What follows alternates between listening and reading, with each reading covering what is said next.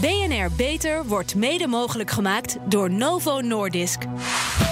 BNR Nieuwsradio. BNR Beter. Harmke Pijpers. Dementie is een dodelijke ziekte, de ergste vorm van vergeetachtigheid. Alle verstandelijke vermogens, zoals taal en geheugen, gaan langzaam achteruit. Er is nog geen medicijn dat deze hersenaandoening kan genezen, maar inmiddels zijn er aanwijzingen dat dementie, maar ook vergeetachtigheid, voor een groot deel te voorkomen zou zijn door een gezonde leefstijl. Hoe houden we ons brein zo lang mogelijk scherp? Welkom bij BNR Beter, het programma voor mensen die werken aan gezondheid. Met gasten vandaag Wiesje van der Vlier, hoogleraar in het Alzheimercentrum in uh, het VUMC in Amsterdam. Marco Blom, directeur van Alzheimer Nederland. Mevrouw van der Vlier, vergeetachtigheid, daar hebben we allemaal wel eens last van. Niks aan de hand. Verstrooidheid, dat zou zelfs wel eens een teken kunnen zijn, zo wordt dat gezien van intelligentie. Maar dementie is een ander verhaal. Hoe zit dat? Wat gaat er mis in ons brein? Ja, goedemiddag. Ja, precies wat u zegt. Uh, vergeetachtigheid, dat kan je allemaal wel eens overkomen. Maar als er sprake is van dementie, dan gaan er echt dingen mis. Iemand die altijd al een geheugen had als er vergiet, dat is geen dementie. Maar bij dementie gaan er, krijg je echt geheugenstoornissen en dat wordt steeds erger.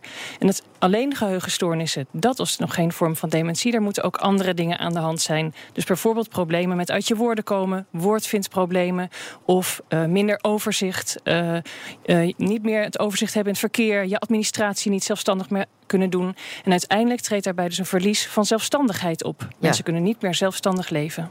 Kortom, een ramp. Dementie is een progressieve ziekte, een chronische ziekte die langzaam verergert.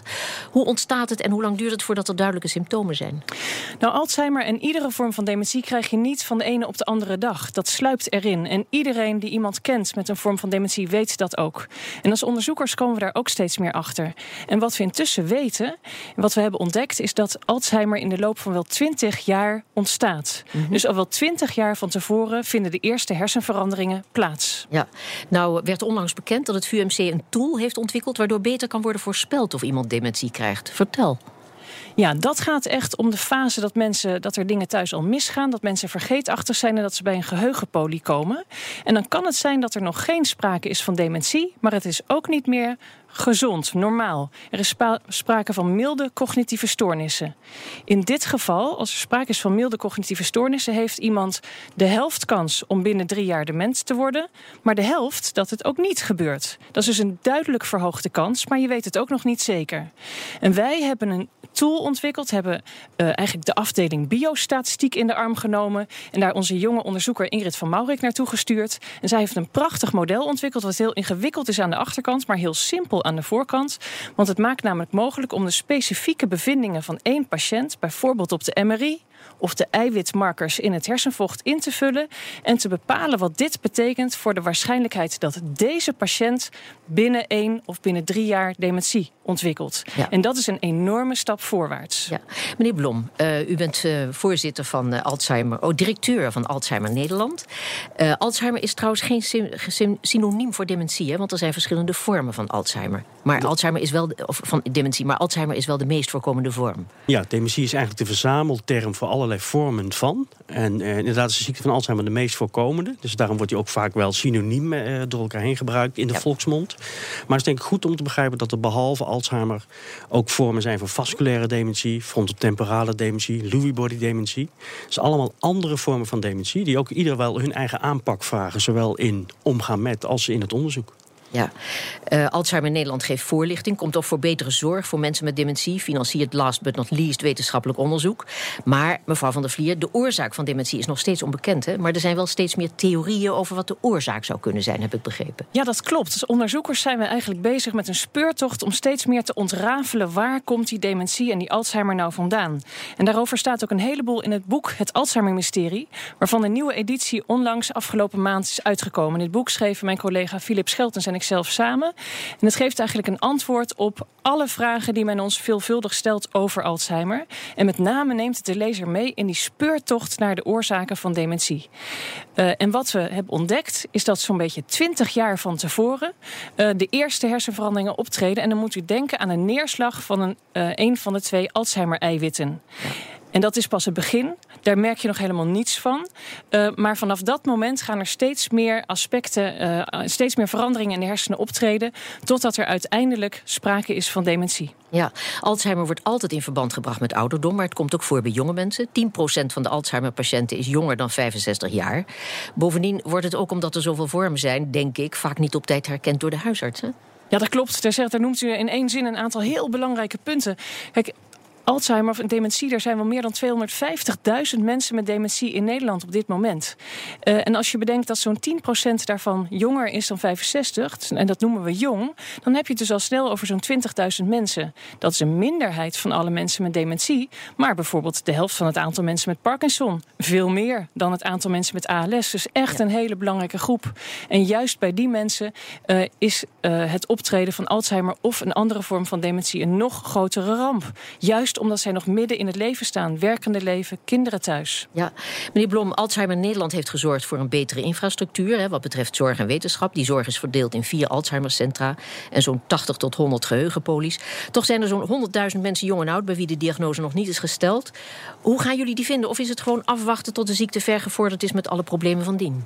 Nee, maar zoals Wiesje van de Vlier al aangaf... het is een ziekte die, die voetje bij voetje uh, dichterbij komt. Dus het is een, heeft een sluipend begin. Dat betekent ook dat mensen zekere tijd nodig hebben... om te ervaren dat ze problemen hebben... en de gang bijvoorbeeld naar de huisarts in te zetten. Dus in die zin hebben mensen tijd nodig, ook de specialisten. Maar het is wel zaak om dat vroeg te doen. En we zien wel dat mensen nog erg twijfelen... om naar de huisarts te gaan of naar de geheugenpolie. En daar zouden we wel uh, echt op willen ingrijpen... dat meer mensen eerder naar de geheugenpolie gaan om zich te laten onderzoeken. En er dus ook bijvoorbeeld achter kunnen komen dat er geen sprake is van dementie. Ja. Want de angst voor dementie is ook best groot in de samenleving. En dat is natuurlijk ook wel uh, iets waar we goed moeten onderkennen. En het is belangrijk dat jonge mensen deelnemen aan hersenonderzoek, heb ik begrepen. Ja, in zijn algemeenheid is voor uh, wetenschappelijk onderzoek is het echt heel belangrijk dat we voldoende deelnemers krijgen. En daarom zijn wij ook heel blij met het initiatief van hersenonderzoek.nl, waarop mensen zich kunnen opgeven voor wetenschappelijk onderzoek bij dementie. En wat wij nou merken is dat vooral mensen die dementie dichtbij hebben meegemaakt, bijvoorbeeld de kinderen van, die weten als geen ander het belang van wetenschappelijk onderzoek. Die willen als geen ander een oplossing in termen van preventie en genezing. En die willen graag meedoen. Onze verslaggever Martijn de Rijk heeft zich aangemeld als gezonde deelnemer aan hersenonderzoek. En hij sprak hierover met hoofdonderzoeker Marissa Zwan van het Alzheimercentrum in het VUMC. Ik eh, ga me laten nakijken. Ik druk dus op de knop. Ik doe mee op de website. Hele vragenlijst. Hè? Als ik dan eh, alle namen en toestanden heb inge voert, dan wil u nog meer weten. We hebben een aantal gegevens uh, nodig om je uh, de onderzoeken te vinden die zo goed mogelijk bij jou passen. Ik heb wel eens dat ik denk van, hoe heet die meneer of die mevrouw nou ook weer die ik zit te interviewen? Ja, en daarmee hebben we ook de vraag, maakt u zich daar zorgen over? Nee, Nee, dat, dat weet ik van mezelf, want dat heb ik al sinds ik. Ah, dan mag u daar nee invullen. Okay. Waarom is het nodig om op deze manier mensen binnen te halen die voor uh, onderzoek beschikbaar zijn?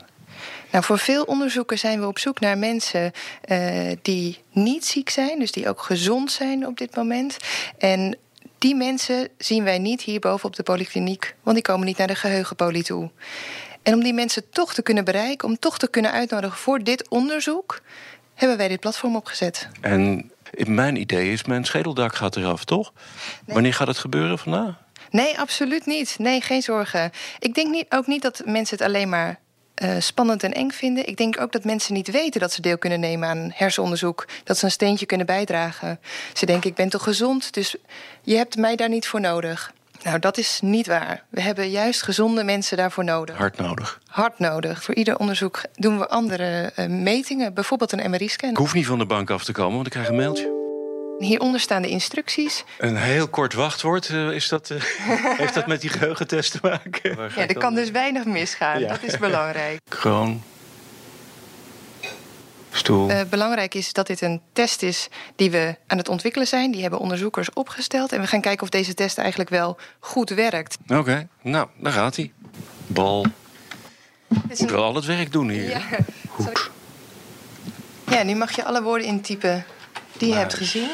Trommel, het zijn er al veel. Het is best lastig en je hoeft ook niet alles goed te hebben hiervoor. Ja, maar dat wil ik wel. Ja, dat begrijp ik. We, we vragen je ook om zo goed mogelijk je best te doen. ja. Maar je hoeft niet alles te onthouden. Eh, nou, is dit duidelijk eh, geheugenonderzoek geweest. Maar wat hebben jullie nog meer eh, voor vragen? Er zijn een heleboel vragen nog in het onderzoek dat we willen, die we willen beantwoorden. Eh, dus ook een heleboel onderzoeken.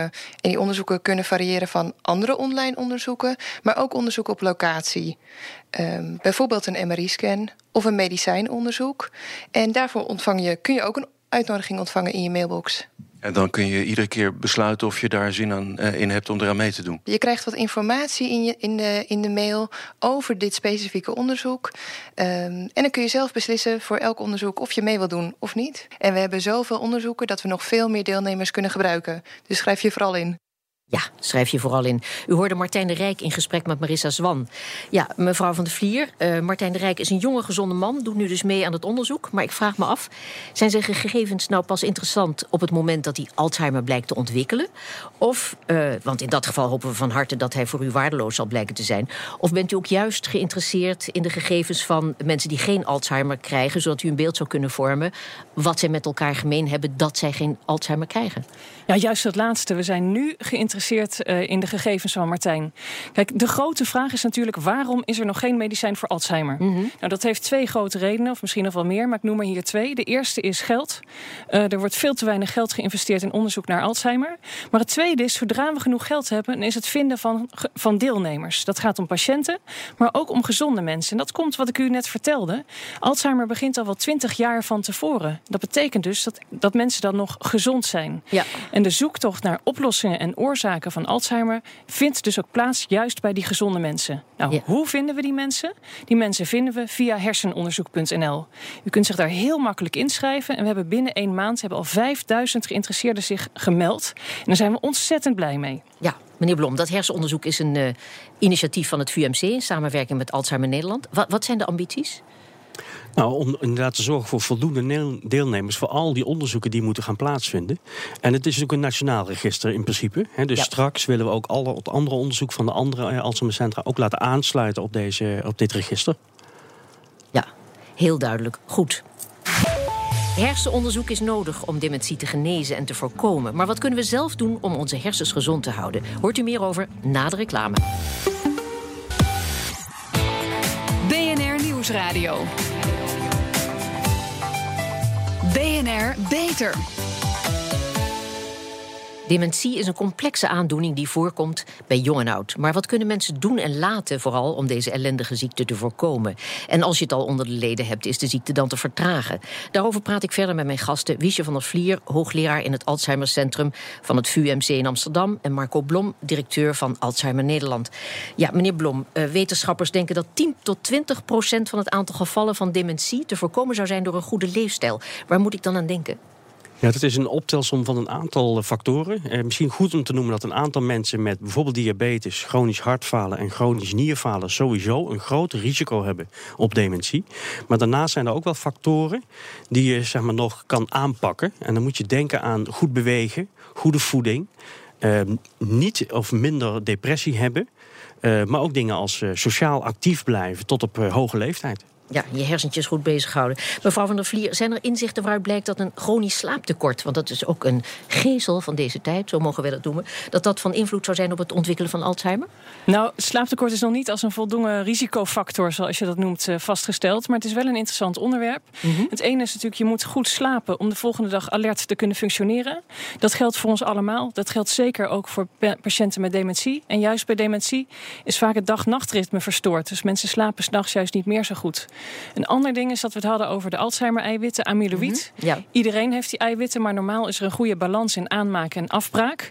Ehm, maar eh, waar, waar, de slaap is heel erg nodig om die balans te handhaven. Dus juist dan wordt de amyloïd ook afgebroken. En daar lijkt wat mis te gaan bij Alzheimer, al weten we nog niet precies hoe dat zit. Ja. Maar ik heb ook begrepen dat eh, als je slaaptekort hebt, dat het omgekeerde kan eh, voorkomen. Dat de hersencellen die je afvalcellen schoonmaken, zou ik maar zeggen, dat die overuren gaan maken en niet meer kunnen stoppen en ook goede cellen afbreken. Oh ja, dat, dat komt op hetzelfde neer als wat ik daar net zei, inderdaad. Dus dat er dan op een gegeven moment gaat er dan iets mis. Ze raken van slag. Ja. Ik wou net nog even wat toevoegen aan die leefstijlfactoren. Dat is iets ontzettend belangrijks. Uh, ik denk zelfs wel dat tot 30% kan voorkomen van alle gevallen van dementie. Uh, leuk is dat op hersenonderzoek.nl je van alles kunt vinden over hoe je je hersenen gezond houdt. Dus als je naar die website toe gaat, dan vind je daar veel informatie over dit onderwerp. Heel belangrijk is om je te realiseren, de meerderheid van alle gevallen, dus in ieder geval 70%, wordt dus niet verklaard door die omgevingsfactoren, zoals we dat noemen. Ja. En voor die mensen moeten we dus onverminderd op zoek naar een medicijn. Ja. Uh, Alzheimer kan tientallen jaren sluimeren, dat weten we. Als je een vroege diagnose hebt gekregen en als, en als dit dus al aan de gang is, uh, kun je dan de afspraken in je hersenen door een gezonde manier van leven toch wat vertragen? Nou, ik denk dat, dat, dat we daar gewoon de vinger nog niet achter hebben. Want eigenlijk is alle informatie die we hebben over een gezonde leefstijl en hoe die helpt dementie te voorkomen. Dat gaat over een gezonde leefstijl op middelbare leeftijd. Die helpt dementie te voorkomen op latere leeftijd. Nou, we hadden het net over die sneeuwbal van slechte gebeurtenissen in de hersenen. En het is maar zeer de vraag: als er eenmaal sprake is van dementie, dan houden die slechte gebeurtenissen in de hersenen al twintig jaar huis. Uh, of je dat dan nog kunt uh, vertragen met een gezonde leefstijl. In het algemeen geldt, baat het niet, dan schaadt het ook niet. Uh, dus zeker doen, maar niet uh, tegen wil en dank. Niet nee. tegen de frustratiegrens op. Als er eenmaal sprake is van dementie, dan is het belangrijk om samen een zo goed mogelijk en zo prettig mogelijk leven te leiden. En met elkaar te vinden hoe dat nog zo goed mogelijk gaat. Ja, meneer Blom, uh, als je het niet kunt voorkomen en vertragen, hè, waarom is het dan toch zo belangrijk om er vroeg bij te zijn?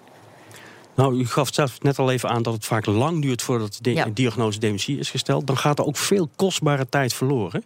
Eigenlijk moet je zien dat de diagnose dementie de eerste effectieve stap is in de behandeling van de ziekte en de begeleiding. Het geeft vaak veel rust. Dat je eindelijk weet wat er aan de hand is. Dat je eindelijk weet welk pad je opgaat, ook al is dat een slecht pad. En wat je dan allemaal kan doen. Nu nog wel en straks wat minder. En daar de balans in vinden en een goed leven leiden met elkaar. Dat is heel belangrijk. Ja, maar goed, waar we allemaal op wachten, waar de hele maatschappij met smart op wacht, dat is dan toch de doorbraak, het medicijnen.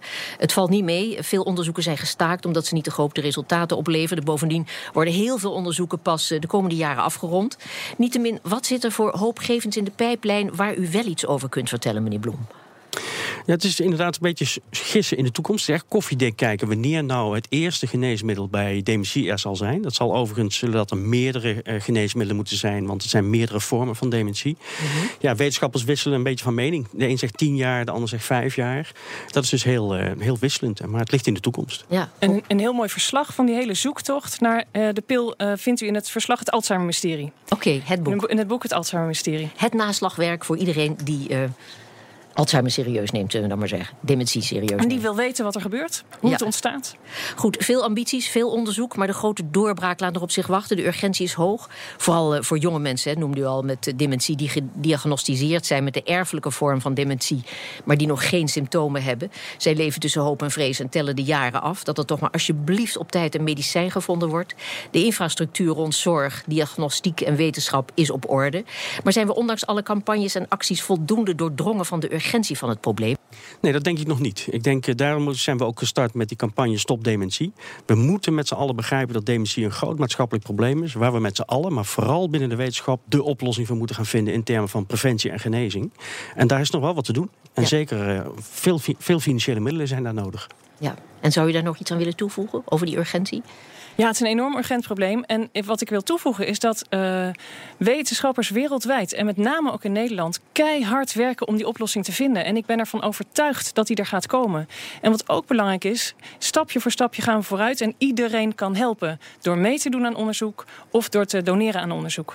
Hartelijk dank, Wiesje van der Vlier en Marco Blom.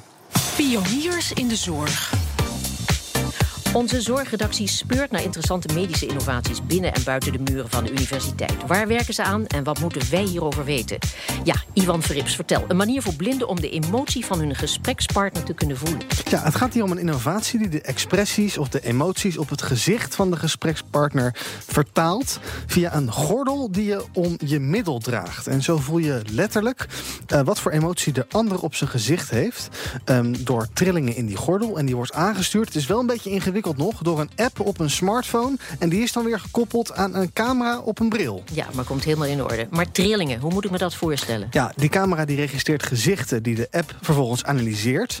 En uh, dan komen er dus trillingen. En zo kan je dus voorstellen als je aan de voorkant van de band... die om je middel zit, dus een trilling voelt... dan heeft iemand een blij gezicht. Aan de achterkant kijkt iemand boos. Aan de zijkant kijkt iemand verdrietig. Ik geef maar een paar voorbeelden. Maar zo kan je dus emoties herkennen. Zeg, en wie heeft dit ontwikkeld? Ja, dit project het heet The Sixth Sense, oftewel het zesde zintuig... is ontwikkeld door neurowetenschappers van de Radboud Universiteit in Nijmegen...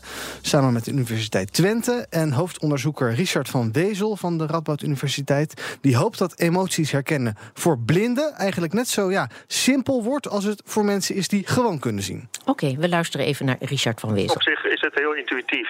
De blinde mensen waarbij we dit hebben getest leren het heel snel. Dat hopen we eigenlijk, dat het eigenlijk ook een soort automatisme wordt. Net zoals dat als wij naar iemand zitten te kijken die lacht... zitten we niet te vertalen van uh, ik zie een mond die zo staat en dus zal hij lachen. Maar het wordt gewoon geautomatiseerd. Wordt dat, dat hopen we eigenlijk ook met die, met die trillingen op die band, op die soort ring die om je middel zit. Ja, nu is het nog een beetje ingewikkeld dus, hè, want je hebt die band nodig en die app en die telefoon en die bril en die camera. Nou, dat zijn wel heel veel uh, tools die je daar nu voor nodig hebt. Maar er wordt gewerkt aan een commerciële versie van dat product en die verwachten ze volgend jaar op de markt te kunnen brengen. Oké, okay, dankjewel Ivan Verrips. En tot zover deze uitzending van BNR Beter. Op bnr.nl slash beter en als podcast via iTunes of Spotify is deze uitzending terug te luisteren. En heeft u tips of opmerkingen over de zorg? Wij zitten op Twitter op BNR Lifestyle of mail naar onze redactie via beter.bnr.nl. Ik ben Harmke Pijpers. Tot een volgend spreekuur. BNR Beter wordt mede mogelijk gemaakt door Novo Nordisk.